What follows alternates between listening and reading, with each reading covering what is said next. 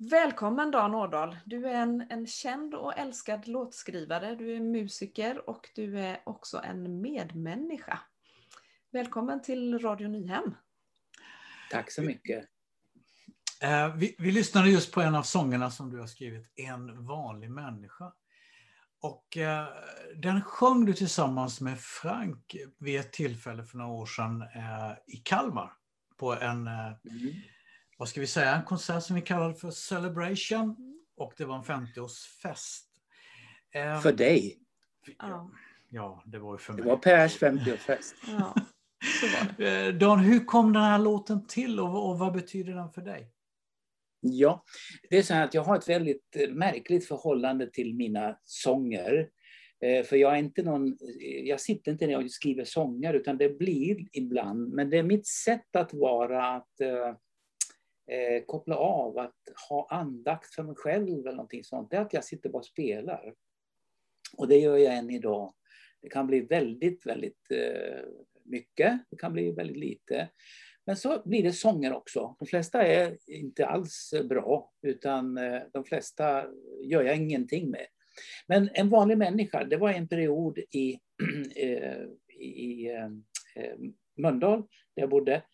Och eh, Eh, den handlar verkligen om hur jag kände mig. Jag hade alltså eh, kommit till någon slags botten med mitt liv det hände flera gånger att jag kom till botten med mitt liv. Men, och det berodde det faktiskt på ett, ett tilltagande problem med alkohol. Det började som en förkylning på 70, 75, 76. Och sen eskalerade den där förkylningen så att eh, den blev lite mer svår att hantera. Och framförallt så var den hemlig och skamlig. Men då och då så så brast den här bubblan och, och, jag fick någon slags klarsyn eller jag vill tro att Gud gav mig någon hälsning eller så. Och då kom den här sången så där eh, till mig och, och, den tog inte lång tid att skriva. Inte. Men jag vet att det var ett par, eh, en, en vers kom först och sen så kom en refräng och, och så vidare. Och, och så så att det, det, kan vara så olika hur låtar kommer till. Men det betydde väldigt mycket för mig själv. Oftast är det till mig själv som jag gör låtarna. Det låter egoistiskt, men det är så det är. Sån mm. självläkningssak. Ja. Och tänk också så fantastiskt det kan vara att Gud faktiskt eh, kan använda en när man är nere på botten så kan han använda en att, att få fram en sån här fantastisk sång som betyder så mycket för andra människor också. Men då när du var där hos oss i Kalmar 2014, eh, hur mådde du då egentligen? Ja, då mådde jag ju faktiskt bra. Det är ju så att jag hade precis blivit nykter. Och mm. Frank och jag, eh, vi sa det. Nu, det var mest Frank som, som pushade på mig. Men framförallt ska jag säga, vi kom till Pers 50-årsdagsfest. För jag har ju bott i Kalmar och jag har ju en väldigt stark relation till alla er i Kalmar. För jag har jobbat som musiklärare där. Och jag har åkt fast för rattfylla där. Och jag har eh, haft eh, så mycket sådana fina minnen också där med kyrkan och, och musik, eh, ska vi säga, med kören där. Och, och Pelle, jag har sett Pelle växa upp till exempel. Mm. Uh, och många av de människorna, inte dig Johanna, eftersom du kommer från något annat ställe. Mm. Men uh, uh, jag tyckte okej, okay, där det allting var som värst, där kan jag börja på mitt nya liv kan man säga. Så när jag kom dit så var det nog den första gången som jag då stod tillsammans med Frank på en estrad då på 25 år. Oj! Mm. Mm. Vad var det som hade hänt då egentligen? Som ledde fram till det här? Då, ja. Och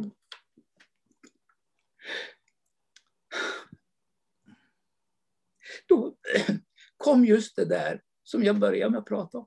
Mm. Och gå i botten.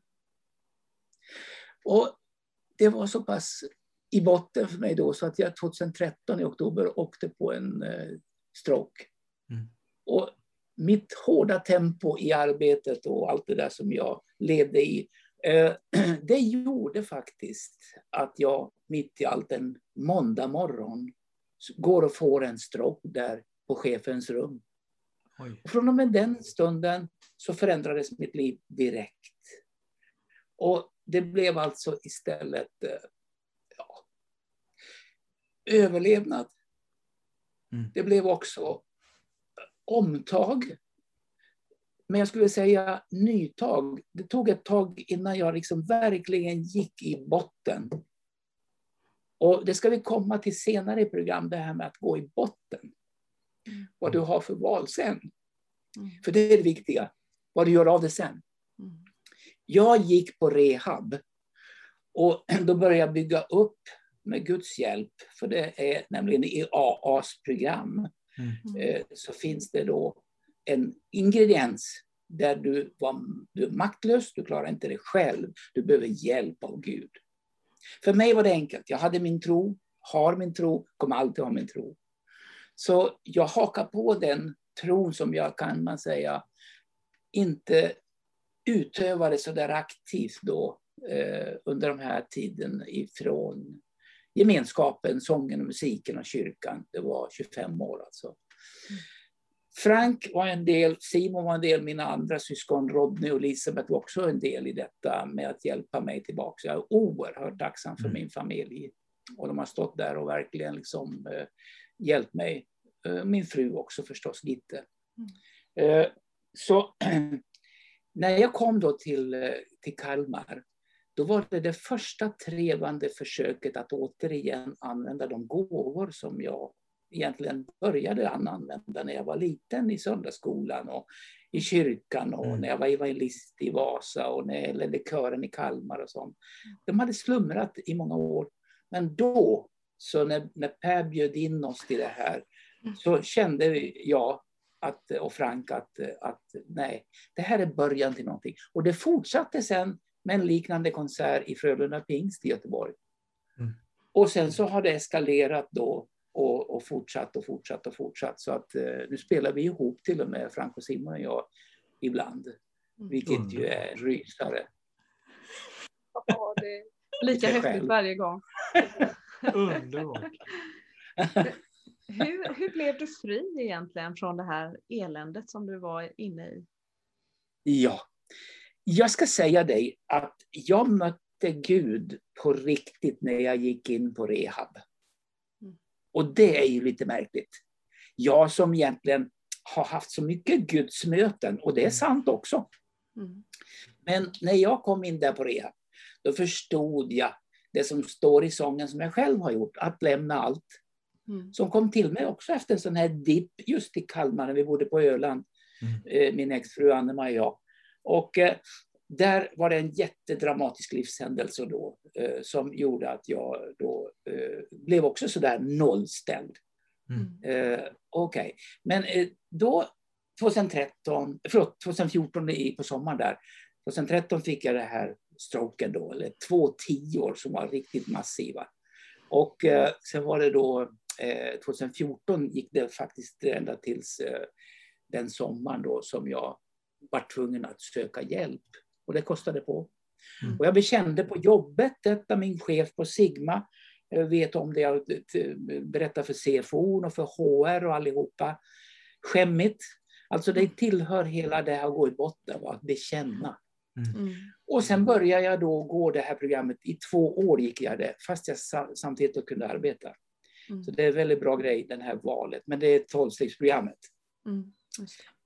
Vid sidan av det så började jag då eh, eh, be och, och verkligen liksom började ett nytt liv och börja leva nyktert. Och i det eh, livet så ingår ju sång och musik för mig, för det är naturligt. Mm.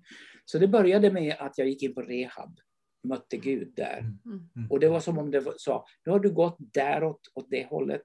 Om du ska få någon ordning med ditt liv, då måste du vända om helt och gå däråt. Ungefär som jag själv skriver i Att lämna allt. Mm. Det kostar dig allting. Men så står det också, jag ger dig mycket mera. Mm. Och det har jag verkligen upplevt. De sista sju åren har varit de bästa i mitt liv. Mm. Mm. Utan tvekan. Du är ju uppväxt i kyrkan eh, och har arbetat som evangelist och ungdomspastor.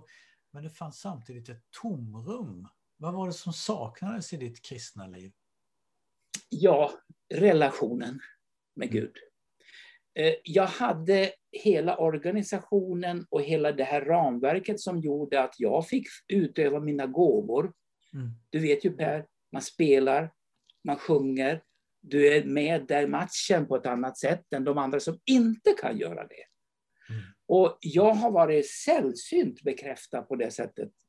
Jag pratar mycket och jag kan också ha ett föredrag som folk lyssnar på. Jag menar, jag var en bra profil för kyrkan.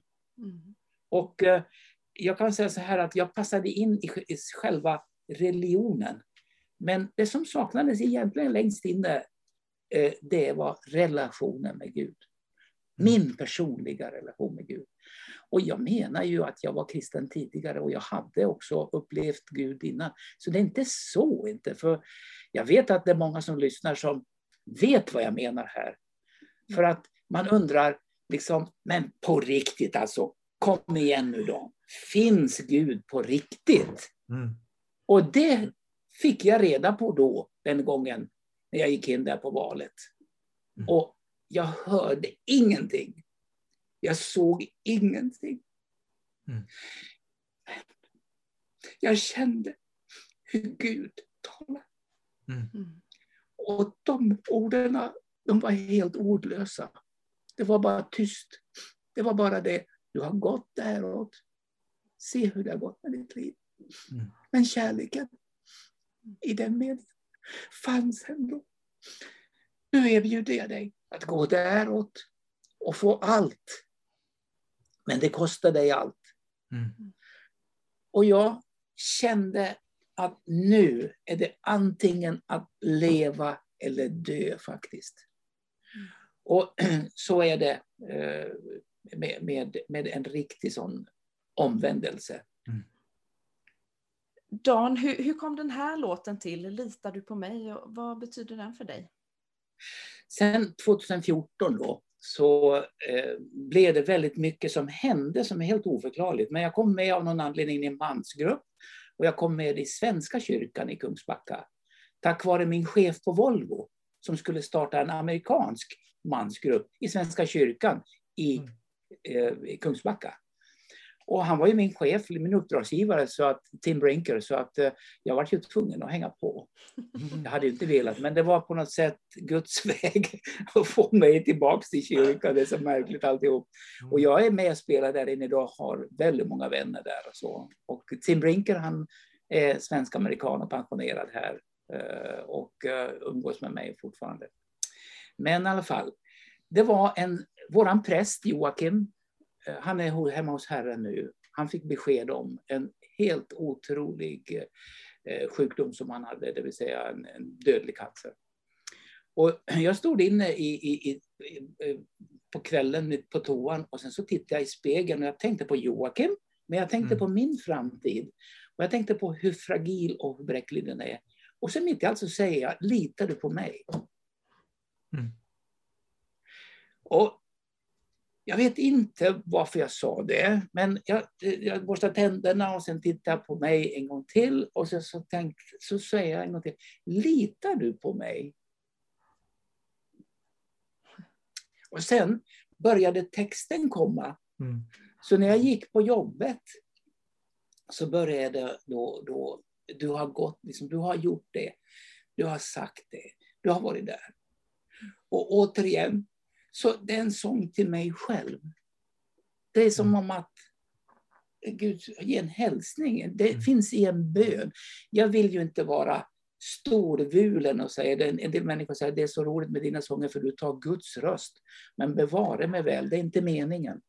Utan det är det att det är mina böner och mina samtal med Gud mm. som jag har dagligen.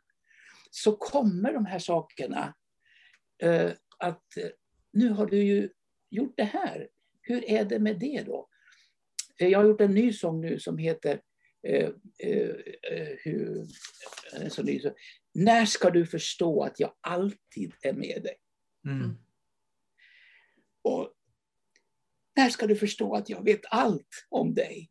Mm. När ska du förstå hur mycket du betyder för mig? Mm. Och hur mycket jag älskar dig. Det var en sån som det var, den är ett par veckor gammal bara. Men mm. Det kan komma sådana saker som en hälsning. Och jag kan inte, liksom, mitt i allt så kan inte jag göra mig fri. Litar du på mig? Den höll jag på med då intensivt i två veckor. Mm. Och sen så ringde jag till Frank och sen så kom Simon också tillsammans och vi spelade in den hos Frank. Och det är, det är väldigt sällsynt att vi är tillsammans på det sättet. Men vi gjorde det på en kväll. Åh, vad häftigt. Och, och, och, ja, det var en väldigt, ett fint minne att ha. Allt det här ledde ju ledde senare till att du äh, blev kapellmästare för hemlösa. Ja. Äh, och, och, jag berättar lite om hur du hamnade där och, och varför gör du det här i slutändan också? Mm. Och det här var väldigt tidigt, det var 2014. Mm. Så ringer Andrew från Linnéakyrkan och säger, eh, han är från England, Dan kan du komma här och sjunga med några människor som inte har något hem men vill sjunga? Eh, och då gör han det, då, då gjorde jag det. Mm. Och eh, eh det började som att vi bara sjöng tillsammans lite We shall overcome och We are the world och lite sånt där. Och sen började det eskalera, för bland alla Göteborgs hemlösa och alkoholister och narkomaner och hela social resurs i Göteborg, mm. där det jobbar fantastiska människor, ett par tusen människor som jobbar där, så blev det här fortkänt. Så de här människorna, killarna och tjejerna som spelar instrument och sjunger, som jobbar där, de ville ju vara med och sjunga också. Och vi har några riktigt häftiga solister med där som har kommit. Så jag har ju fått med mig då en verkligt duktig musik musikerskara där. Och, Eh, jag har haft besök av alla möjliga människor också som kommer in. Men truppen, kärntruppen, det är människor som inte har möjlighet att spela och sjunga i grupp själv. Och sen så kör jag mitt gamla musiklärarstug som jag ändå höll på med i många, många år och träna in med körer, med högstadiekörer och sånt där. Och den gåvan kom på sin plats här. Och det har vi hållit på med. Nu har jag då gått över till annan verksamhet. Så det är Christian Johansson från Donsö som då leder det här musikprojektet som det heter. Mm. Mm. Men det, det, det, handlar inte mest om sång, utan det handlar om att hjälpa de människorna som är hemlösa. Och jag har en speciell uppgift och det är att vara eh, coach för sådana som har mm. alkoholproblem. Mm. Vad betyder det för de som är med och, och sjunger i den här kören? Du, det betyder allt. Man kan slå det och googla det på, på artiklar. Alltså vi, har ju, vi har ju så många som har blivit hjälpta av det här.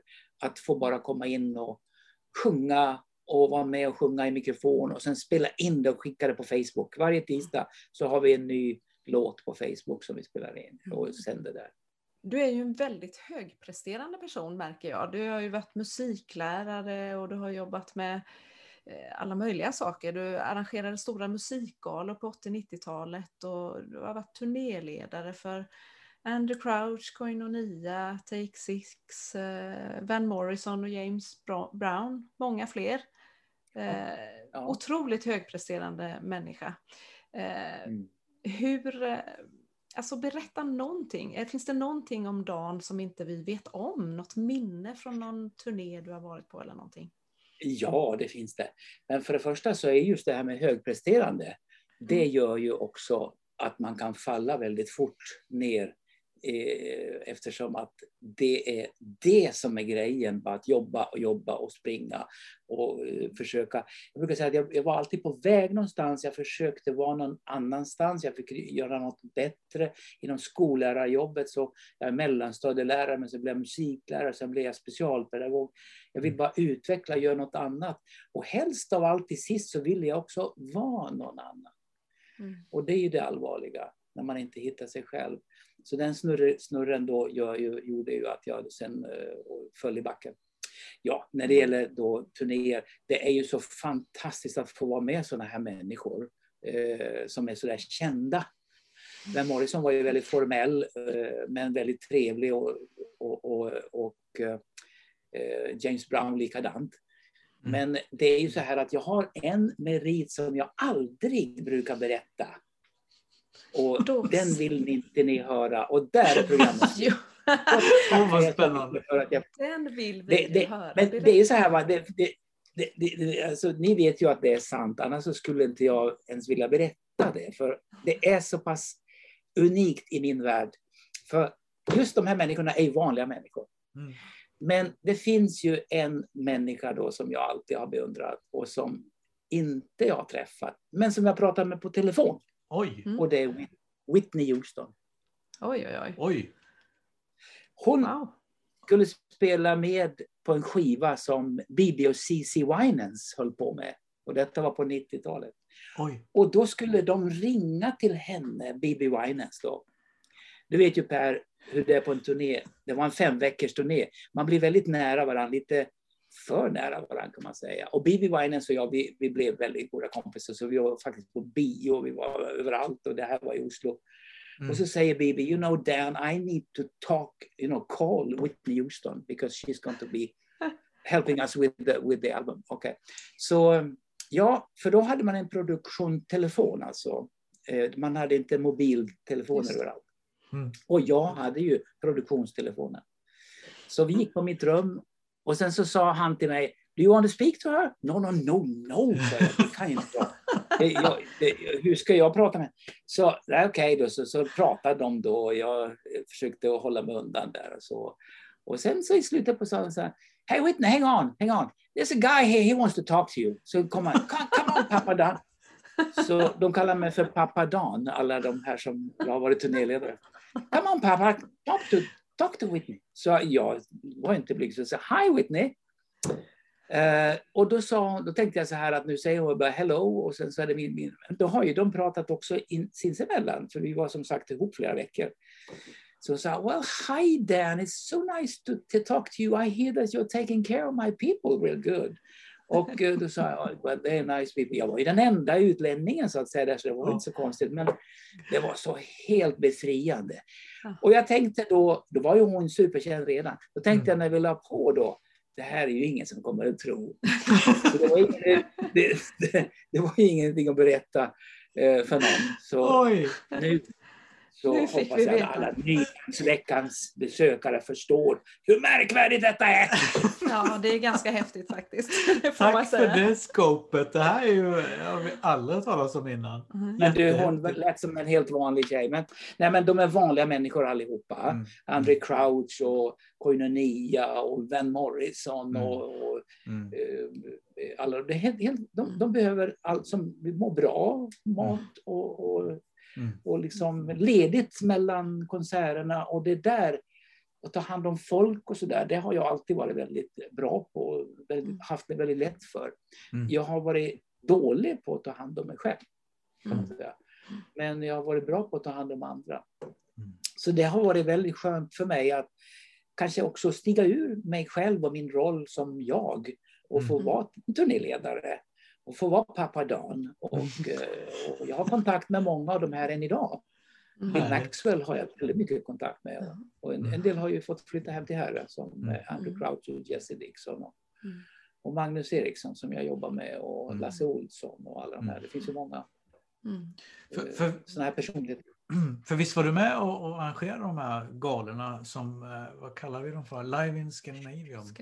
ja, ja, det är Skandinaviengalorna. Det, ja, 13 det. stycken hade man totalt och jag var väl med på, helt eller delvis på säkert, ja inte den första då, utan det var väl i alla fall 12 av dem. Som sagt, det är väldigt mycket organisation kring eh, mm. en sån här årlig gala. Mm. Eh, och det finns ett visst program då som man eh, lägger upp då för att man ska göra det rätt. Mm. För det finns ju så mycket tillstånd och grejer som eh, måste göras mm. när du ska ta över en, ett band ifrån från USA. Och i samband med den här helgen, den här uh, Skandinavienhelgen, mm. då hade vi då turnéer ute i Europa med de här uh, stora akterna. Så när Koinonia var med då, som var med sex, sju gånger, så hade vi direkt en turné som fortsatte på mm. söndag i Oslo och sen i Helsingfors. Och sen så var det då det i Schweiz och sen var det kanske... Och de turnéerna var jag oftast med på och hade tagit ledigt från skolan från mitt jobb som lärare Just. och var med i. Mm. Mm. Ja, Fantastisk tid. Fast Pers 50-årsfest, det var en av de roligaste grejerna för mig själv. För där uppträdde jag inte som någon annan, utan jag uppträdde som mig själv. Mm. Ja, det, och det, var, ju, det var ju väldigt, det var ju väldigt uh, scary i början. Eh, men nu när jag är ute och pratar med folk och sådär och hjälper till, jag har frukostar för män. Mm. För jag har ett koncept som heter det finaste du kan ge till Gud är det fulaste du har. Mm. Alltså att du ger din skam, mm. du öppnar med äh, dig själv och bjuder på dig själv mm. och ger dig själv. Och jag har märkt att det är ett väldigt behov av det. Mm. Jag har inte något sånt jättebehov av att sjunga och spela eh, på det sättet som mina bröder gör. De har ju haft en annan typ av framtoning och det är mm. fantastiskt på alla sätt. Jag har inte riktigt haft den profilen kanske. Eh, men jag tycker ju om att göra det. Men just det här att man har ett erbjudande om ingenting annat än jag vill dela med, med dig helt öppet, helt ärligt. Mm. Eller som eh, vår kompis eh, Fredrik Stutzenbecker och jag hade en grej i Örebro som heter Utan filter. Mm. Och det blev väldigt uppskattat. Inte först och främst för våra sånger och så. Han har nämligen varit min elev. Och vi hade en sån grej ihop. Och, eh, och det var många som då kom efteråt och pratade med oss. Och jag fick kontakt med en del människor mm. som just har de här sakerna som beroende och mm. svårigheter och så. Mm. mm. Så jag måste säga att det här, det, det slår mycket högre än alla turnéer och kända människor och sånt där. Mm. Det mötet med en människa som behöver hjälp. Mm. Det mm. är det största jag vet. Har du något nytt på gång? Ja, jag har hela tiden nya låtar kan jag säga. Mm. Och sen så har jag nya idéer. Och vi har ju mycket med då både eh, utveckla det här med de här hemlösa, hemlösa aktiviteterna som handlar ju om att anpassa oss till den här nya tiden. Mm. Som det har varit nu så spelar vi in med sådana som tycker om att spela in. Och sen är jag med med olika webbgudstjänster mm. som jag hjälper till att spela i Frölunda Pingst och i Hönebetel och i, uh, i uh, Kungsbacka kyrka och i Kungsbacka Pingst. Så det, är så, det blir det ofta när, när någon är sjuk eller så som jag hoppar in. Men uh, det är det. Sen hoppas jag ju att jag kan fortsätta med turistkyrkan i höst. Mm. Men som det har varit nu så med pandemin, jag är ju då ändå eh, vaccinerad två gånger här och jag var nere i februari på Las Palmas. Mm. Och eh, det var ju väl bevakat så det räcker. När det, gäller, det är väldigt stor skillnad på Spanien och här. Mm. Eh, och man måste ha covid-test som är negativt om man ska kunna åka på planet och så. Så det var en väldigt säker resa. Mm. Mm. Men eh, jag hoppas ju, som vi alla gör, att det ska öppnas upp och att man kan få mötas mm. igen på det här mm. naturliga, vanliga sättet. Mm. Sen är det ju då, eh, min fru hon går och läser logistik eh, och går i skola på heltid och blir klar när hon är 59 år. Det är inte så dåligt va? Det är häftigt. Och det går hur bra som helst för henne. Så jag kan säga så här att det jag har på gång det är att jag servar henne. Jag ser till att hon får mat och att det blir städat och handlat. Och så. Fantastiskt. Så, så är det. Så jag skulle behöva ledigt och åka till Kanarieöarna. Precis. Vi tänkte vi skulle eh, lyssna på en låt från 2020. Eh, ganska ny alltså. Som heter Jag vilar i din famn. Och du beskriver den som en summering av ditt liv. Eh, mm. hur, hur, kan du utveckla det lite grann? Ja, och det är inte så att jag går och tänker på att jag ska dö. Men det var så, jag går väldigt mycket promenader och jag eh, är på gym och sånt där och håller mig i form. Men då när jag gick en promenad så tänkte jag lite såna här eh, nästan folksångslåt. Jag, jag lyssnar nog på någonting sånt tror jag. Och, eh, men så tänkte jag, eh, den här, den här typen av rytm skulle man göra någonting av. Och sen var det ett barn till eh, ett par som jag känner som sa när jag var hos dem, mamma får jag vila i din famn? Mm. No. Och då tänkte jag på den bilden, för jag såg när barnet kröp upp i hennes famn.